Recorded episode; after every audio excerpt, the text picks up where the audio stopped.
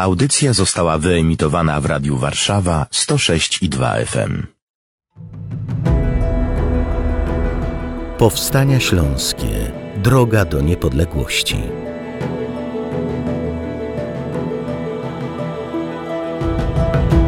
Stulecie Powstań Śląskich, Marcin Bąk oraz mój i Państwa gość, dr Krzysztof Jabłonka. Witam serdecznie. Witam serdecznie wszystkich słuchaczy. Powstania śląskie wybuchały, wiadomo, Ślązacy rok po roku. Rok po roku pragnęli dołączyć do macierzy, ale Niemcy niespecjalnie chcieli ten Śląsk oddać. I oczywiście poza aspektem narodowym, językowym, o czym żeśmy sobie już w poprzednich -hmm. spotkaniach mówili, ten Śląsk był bardzo łakomym kąskiem dla państw, które chciały go przejąć z innych jeszcze powodów. E, to znaczy, no, przejąć go chciały, czy też utrzymać go chciały oczywiście Niemcy.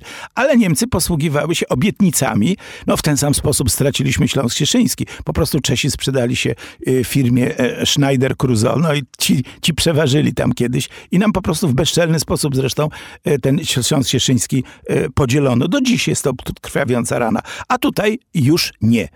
I mm, jedna jest istotna rzecz. Odkryto węgiel w zasadzie w momencie blokady kontynentalnej. Po prostu wystawały na powierzchni pewne ten i ludność przyzwyczaiła się tym palić w piecu. Czyli to mamy walory. XVIII wiek, przełom XVIII-XIX. To jest, to jest początek XIX, mhm. kiedy Napoleon tam wkracza.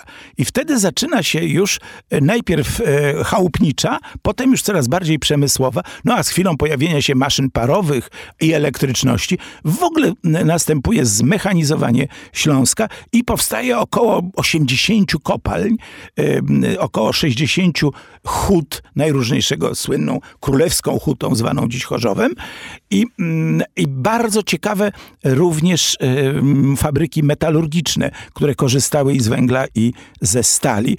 Ja jestem go ciekaw, skąd stal brano tam, ale, e, bo na samym Śląsku chyba nie występowała.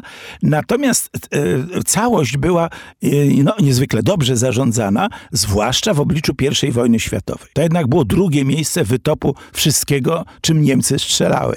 No więc pozbawienie czego Niemcy tego, strzelały, tak, tak. Z czego Niemcy strzelali do nas, do wszystkich innych i tak dalej.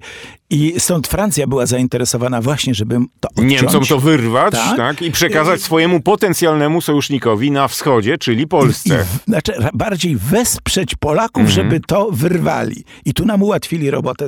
Sama Francja nie mogła to, tego przejąć, bo nawet tam wojska francuskie stanowiły no, kilkuset. Korpus może. ekspedycyjny, niewielki, tak. bardziej symboliczny niż... No, on miał... On Chociaż były rolę, czołgi. Tak, były on, czołgi Renault FT, były, znalazłem były czołgi, na tak, kilku... Około 1200 mm. by mhm. można było naliczyć. No, słynęli z tego, że Polakom strzelali nad głowami, ale do Niemców prali już równo. Także byli... No trudno się dziwić, dziwić. takiej postawie. Tak, tutaj nastąpił sojusz. Zresztą Francuzi nas ostrzegli, że będzie niesprawiedliwy podział, że będzie powtórka ze Śląska y, Cieszyńskiego i nasi wtedy przystąpili do najważniejszego, trzeciego mm. powstania, które Ale zatrzymałbym się jeszcze jeszcze przy tych czynnikach e, ekonomicznych, e, przemysłowych. No to była jedna trzecia przecież mhm. produkcji pruskiej. No, wliczywszy, że te inne landy niemieckie też coś wnosiły, to jednak osłabiało przede wszystkim militarnie, no i pośrednio tak zwaną Republikę Weimarską. Po upadku Rzeszy, II Rzeszy Niemieckiej, pamiętajmy. Ogromne wydobycie węgla, przerób stali, no, wyrób przy Ogromna ilość klasy metalowy. robotniczej też, która była do zmobilizowania niemieckiej, sfanatyzowanej niekiedy, co się bardzo przełożyło, szczególnie w drugim powstaniu e, śląskim. Natomiast w trzecim, to już pewnie dojdziemy w następnym odcinku, właśnie owa klasa robotnicza, która z Górnego Śląska pojechała do Zagłębia Rury, odegrała Ale to jest kwestia rolę. Plebiscytowa i tak. o, o tym będziemy rozmawiać zupełnie oddzielnie.